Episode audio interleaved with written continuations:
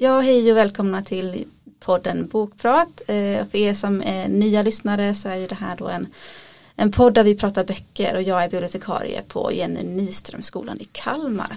Och i den här podden brukar jag ha lite gäster, antingen är det personal från skolan eller så är det elever från skolan. Och idag har jag med mig Jenny Wennesund som är speciallärare. Hej! Hej Jenny, jättekul att du är här. Tack för att jag fick komma hit. Mm, det är första gången du är med i podden. Jajamensan. Hur känns det? Det känns lite nervös faktiskt. Ja, mm. det är lite sådär att sitta, nu har vi, vi har en väldigt bra studio här, men vi har ett medieprogram på skolan och så. Mm. Men det känns, många tycker att men det känns så eh, seriöst. Men det är ju faktiskt inte det. Nej, och jag börjar bli medievan också. Så ja, det är bra. Eh, men Jenny, speciallärare. Mm. Det är Vad är kul med det? Vad är roligast? Oj. Um, vad är roligast med speciallärare? Det är just kontakter med alla elever. Um, och att det är stora utmaningar för mig som pedagog. Um, och sen även alla kontakter med lärarna och övrig personal på skolan. Så det är många jag träffar per dag. Um, annars som um, vanlig lärare så att säga, eller som kurslärare då är det ju vissa elever som du uh, träffar mer så att säga. Men jag går ju över flera klasser och flera årskurser. Mm. Um, ja, och sen att jag kan hjälpa till. Jag ser ofta en progression hos eleverna, speciellt om jag får följa dem från ettan. Men många gånger så kanske jag kommer in i små perioder i ettan, i tvåan eller i trean. Jag vet ju att eh, det är otroligt viktigt eh, och välbehövligt. Eh, det speciallärargänget vi har på skolan mm. och att ni mm. gör ett jätteviktigt jobb. Mm. Eh, det vet jag från väldigt många håll. Eh, men idag så ska vi prata böcker som vanligt. Eh, så jag tänker att vi drar igång, eller hur? Yes.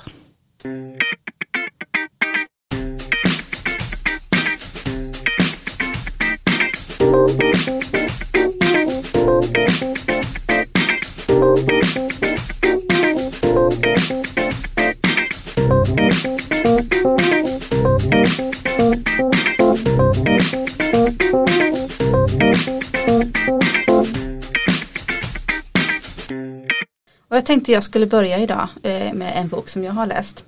Eh, som heter Skogen där stjärnorna slocknar. Och den är skriven av Kristin Harmel. Hon är en amerikanska med polskt påbrå, eller hennes förfäder kom från Polen. Ehm, och det här är väl hennes andra bok som är översatt till svenska. Hon har skrivit rätt så många romaner. Och den första som kom på svenska hette De bortglömda namnens bok. Båda de här böckerna har ett andra världskriget perspektiv. Ehm, och jag vet att eh, väldigt många har tyckt om hennes böcker. Hon har fått väldigt mycket, jag är med i Goodreads och lägger ju till böcker och sånt och så där. Eh, och där kan man ju se en hel del recensioner och det är väldigt många som har tyckt jättemycket om hennes böcker eh, och tycker att de är just ja, men lite annorlunda andra världskrigets skildringar. För det finns mm. ju en upp, hel uppsjö av böcker om andra världskriget eh, och som skildrar koncentrationsläger eller förföljelse av judar eller vad det nu kan vara. Det finns ju så många böcker. Eh, men det som många har tyckt om med henne, den här Harmel, är att hon har gjort men visat på någonting som kanske inte har pratats om lika mycket. Eh, och det hon gjorde i de bortglömda namnens bok var att hon lyfte det här med förfalskade dokument, alltså motståndsrörelsen som jobbade med förfalskade dokument för att få ut flyktingar, judar ur Tyskland och ur nazisternas grepp då. Eh, för att få ut dem över, över landsgränser och så vidare. Eh, och den boken handlar ju då om en ung kvinna som hade en fallenhet för det och som blev rekryterad av ett sånt motstånd, av motståndsrörelsen. Ehm, och den här boken handlar om de tusentals judar som flydde från ja, gettorna eh, och höll sig utanför alla byar och samhällen där nazist, nazisterna reste igenom och kanske också ockuperade. Och så istället överlevde de i skogarna i ja, men Polen kanske främst och mot den belarusiska gränsen och sådär. Ehm, och där levde de hur länge, alltså i flera år och byggde upp samhällen och hyddor och alltså det blev riktiga samhällen av de där ehm, boplatserna i skogen. Eh, och det är det som den här boken lyfter.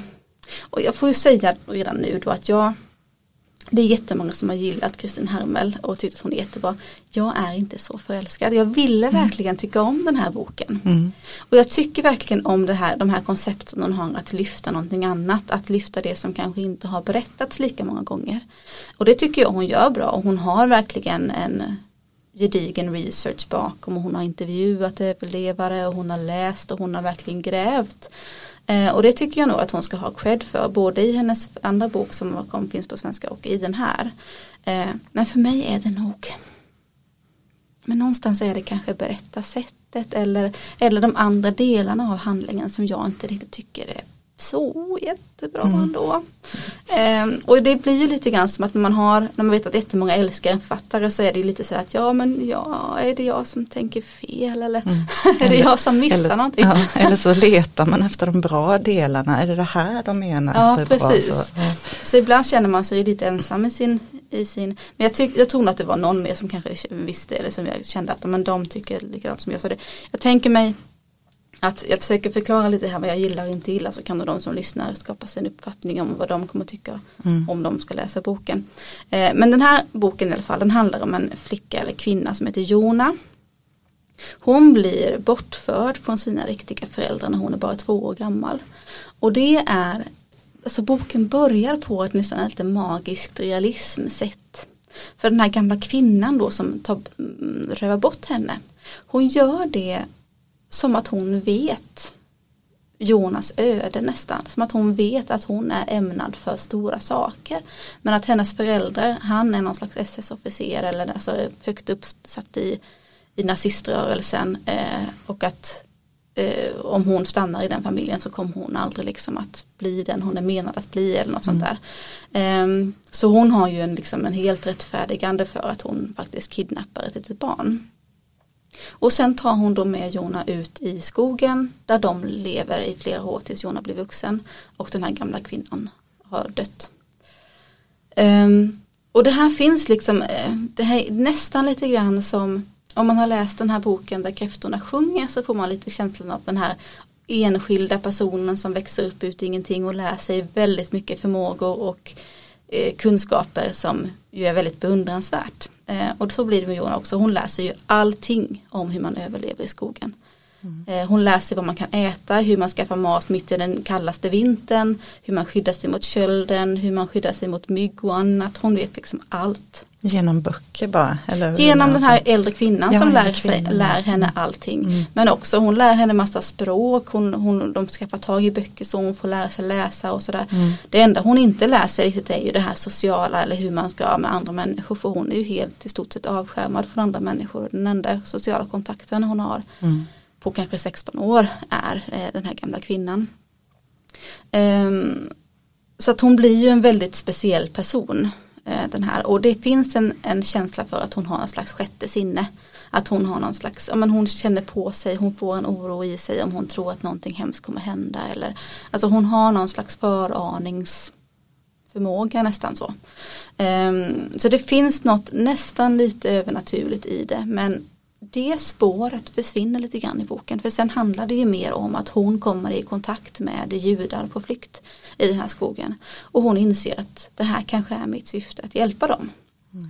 Um, så det är det hon gör. Hon hjälper först en grupp och sen en annan och sådär. Och sen blir hon ju mer involverad och in, liksom integrerad i deras, eh, hon liksom hittar någon slags familj, någon slags tillhörighet. Med alla de svårigheter som det innebär då för någon som inte har haft det.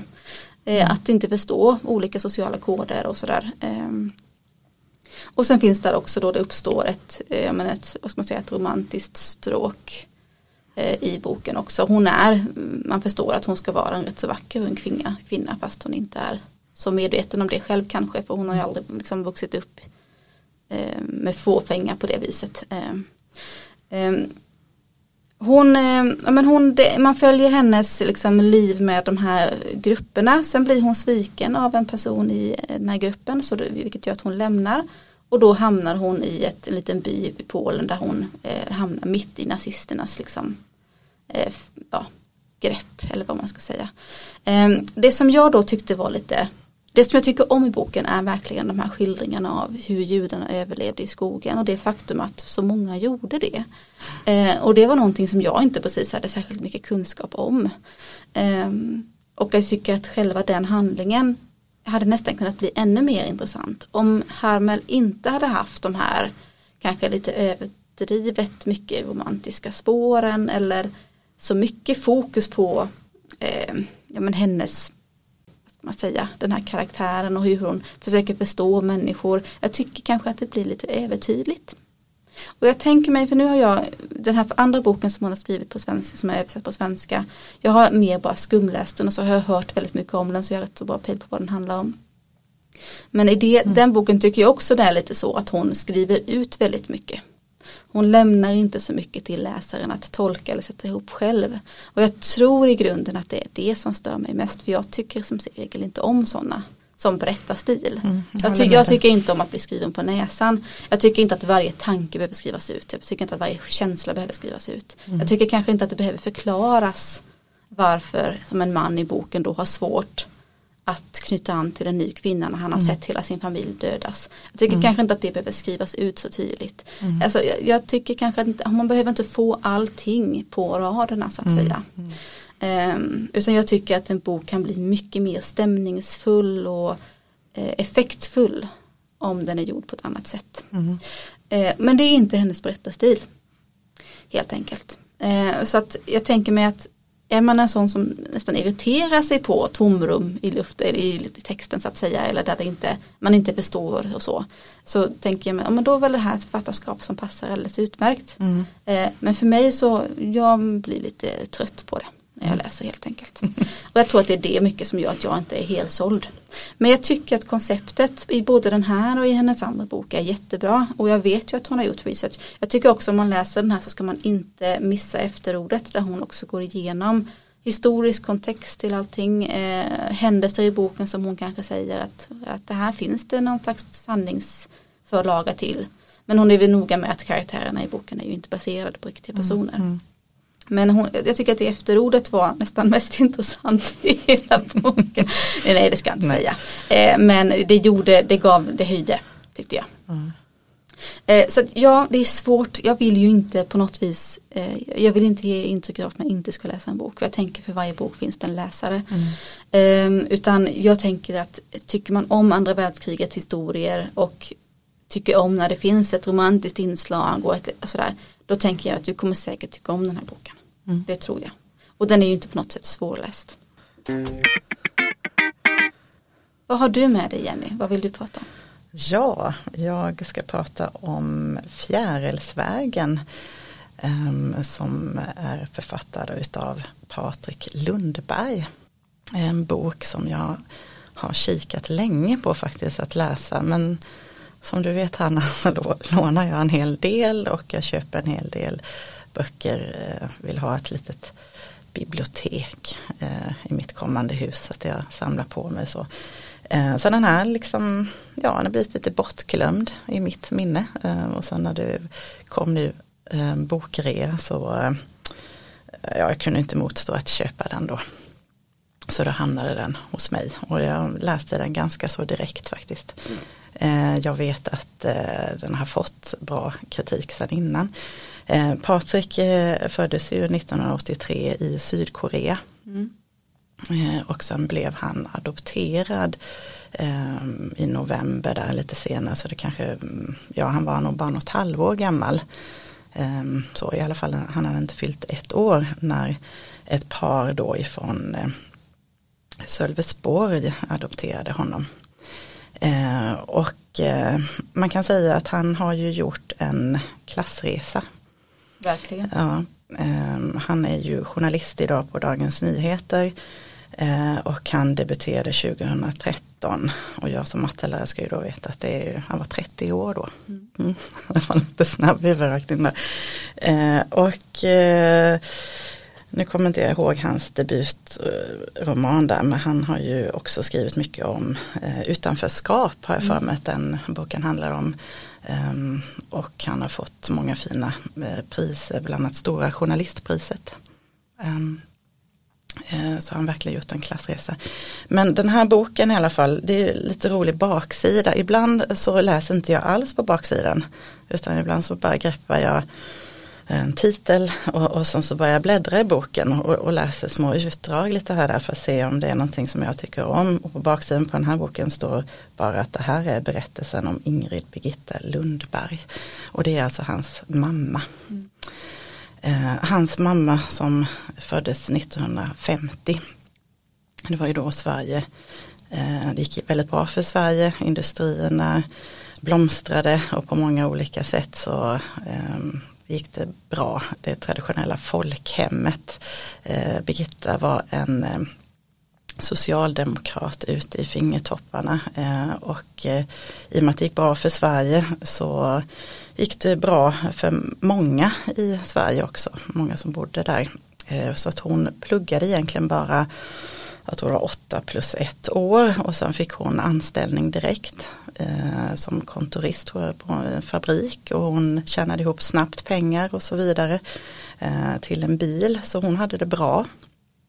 Hon träffade Patriks pappa där efter ett tag och de eh, tror jag till och med byggde ett hus eh, ganska så fort i Sölvesborg. Ehm, så, så, allt var frid och fröjd ehm, och sen så försökte de få barn eh, vilket inte gick så bra så de bestämde sig senare för en adoption. Sen kom Patrik ehm, då till, till Sverige. Så man får följa även Patrik, man får följa hans eh, mormor och morfar också i eh, historien och eh, efter ett par år, tror det var två, tre år, så kom även hans syster, nu är inte det biologiska syskon då, men de adopterade ytterligare ett barn och hon fick heta Paula. Eh, så det här syskonparet växte upp med eh, Birgitta då och Nils Gunnar då som var pappa. Men sen efter ett tag så uppdagades det att hans pappa hade en liten affär vid sidan om.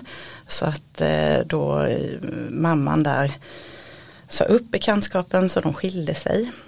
Eh, och hon blev ensam vårdnad då för Patrik och Paula. Och mitt i det här så var det 90-tals finanskris kom på köpet. Vilket gjorde då att mamman fick det väldigt, väldigt svårt ekonomiskt. Ehm, och, eh, och det får man följa i det här. Egentligen om man bara drar tillbaka bandet så den första sidan man tar upp i boken så får man veta att mamman dör bara 67 år mm. i ekonomisk eh, och allting runt omkring det är misär. Ehm, så att eh, hon får det väldigt svårt i alla fall med barnen. Hon eh, säljer smycken och, och, så vidare för att överleva. Eh, och sen så kommer det sådana små ljusglimtar ibland. Och nu blir det väl bra. Så, mm. nej. Så det är liksom en, en skildring av hur det gick från att vara hon, eh, hon gick från en så bra ställe i livet man säger, till att dö lite utblottad. Då. Ja, precis, precis. Eh, väldigt eh, tragisk utveckling då mm. eh, kan man följa i den här boken. Um, och sen det som är roligt också i den här på ett sätt och som är väldigt intressant i och med att jag varit själv politiskt aktiv i, i många år det är att det är ju politik genom en röd tråd genom hela boken. Så man får, ut, man får liksom en bra inblick i den inrikespolitiska utvecklingen som sker i Sverige också. Mm. Så kanske, jag tänker vem, vem är den här boken intressant för? Um, Ja, absolut om man gillar eh, politik eh, och vill veta vad som hände i Sverige efter andra världskriget eh, fram till 2018 eh, ur ett annat perspektiv. Ibland är det ju så här att man kan leva i sin egen bubbla. Man kanske umgås bara med, med en viss typ av kompisar och så och inte vet hur andra kan ha det. Eh, för det är ganska, har ju varit en tuff uppväxt för Patrik. Eh, många gånger som man fick höra från mamman, jag har inte råd. Eh, ändå så gick hon till banken och, och toppade huslånet för hon ville bo kvar så länge som möjligt i det här huset. Och sen kom det i alla fall julklappar under granen. Det är också intressant för att veta att man, man kan göra resor av olika slag här i livet. Man kan även gå de så att säga slingriga och, och svåra vägarna och ändå lyckas. Som Patrik faktiskt gjorde här. Han hade ju inga ekonomiska möjligheter på något sätt. Ehm, han blev ju väldigt tidigt intresserad av läsning. Han säger själv att han är en produkt av svensk skola. Mycket slit, mycket läsning. Ehm, så att det är ju det är bra att läsa sådana här böcker ibland och se andras perspektiv mm. Eh, på det hela. Samtidigt är det en väldigt fin bok för att det är en, en kärleksförklaring till sin mamma. Um, som han skildrar. Väldigt utblottande. Alltså, mm. uh, han lämnar ut mamman väldigt mycket också. Även sin familj, hur de hade det. Um, jag kanske får läsa ett citat. Mm. Med, det var bland annat det här att eh, hon skulle precis fylla 50 år. Eh, och hon hade bjudit hem faktiskt några av sina arbetskamrater. Eh, och det var inte så ofta hon fick besök för att hon träffade på senare år eh, en annan man som hon gifte om sig med som inte alls var snäll mot henne. Så han isolerade eh, mamman. Men hur eller hur så kom även Paula dit och eh, mormor och morfar då. Eh, och sen så står det så här, när gästerna då hade åkt hem. Paula och jag skrev varsitt inlägg i gästboken, sedan skulle du få dina presenter. Det fanns ett företag som sålde rättigheter till namn på himlakroppar i universum. Vi hade döpt en bit av månen till Ingrid Birgitta och gav dig certifikatet. Tillsammans med mormor och morfar hade vi lagt ihop pengar till en ny cykel. Du hade kämpat dig fram med din brandgula, rostiga cykel i tre decennier snart. När du gick ut på trappan och såg din splitter nya svarta stålhäst tappade du fattningen. Och på flera ställen i boken så märker man väldigt mycket hur Eh, han älskar eller äls har älskat sin mamma. Eh, nu i efterhand så har han fått eh, flera gånger dåligt samvete. Eh, för att när Paula och Patrik flyttade hemifrån så var det liksom sista droppen för mamman. Mamman hade ju alla år eh, ställt barnen då, vad ska man säga, på första trappsteget och mm. inte unnat sig själv och inte gått på restaurang eller till och med som han upptäckte senare i livet. Han hade ju aldrig sett sin mamma ta med sig matlåda till jobbet för hon åt inte. Eh, för att kunna då ha pengar kvar till, eh, till barnen. Så att då är, var ju det ett uppdrag som hon hade i livet efter, efter den här skilsmässan och så. Och eh, då fallerade ju allt när de flyttade hemifrån. Mm. Ehm, så att då mådde hon ju ännu sämre. Eh, och han har sagt i efterhand att eh, det blev ju mindre och mindre samtal eh, med mamman. På grund utav också att han gjorde den här klassresan så han fick ju ett annat språk.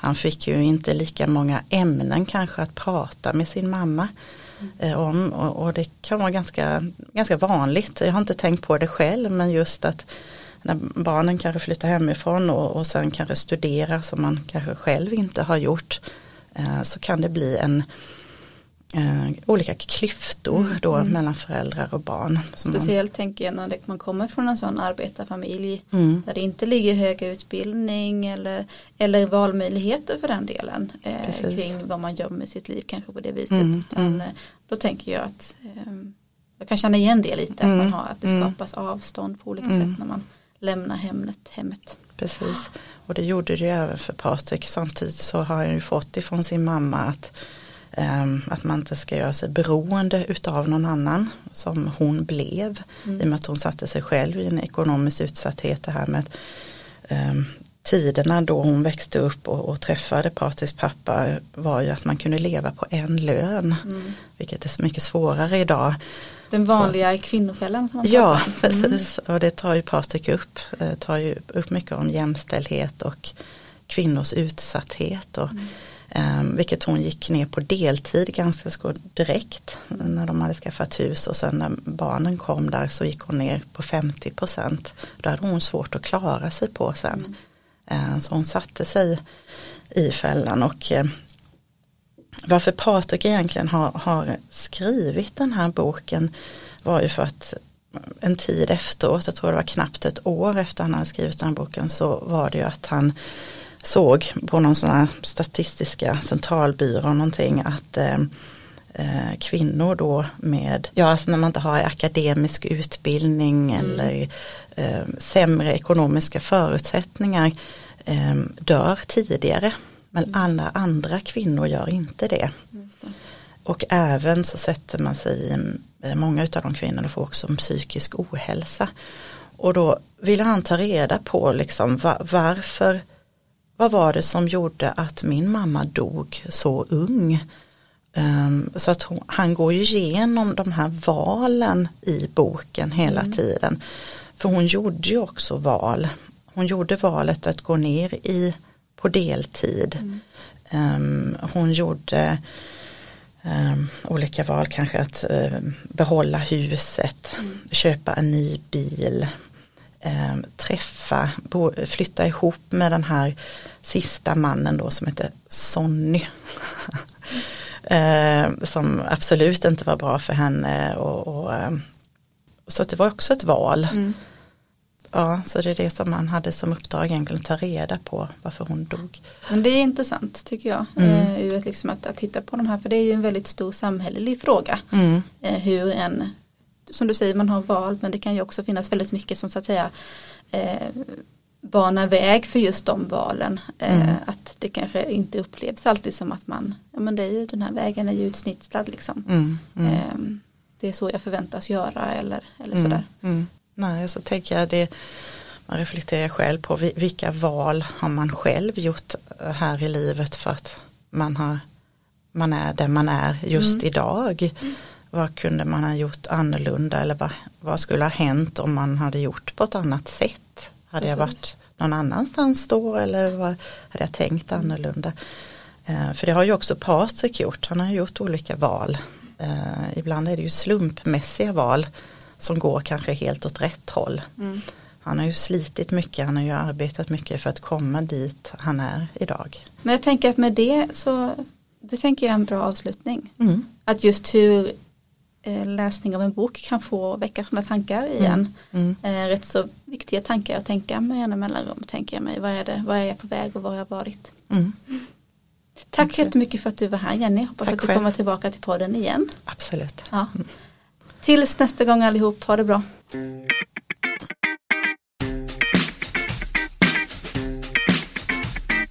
Thank you.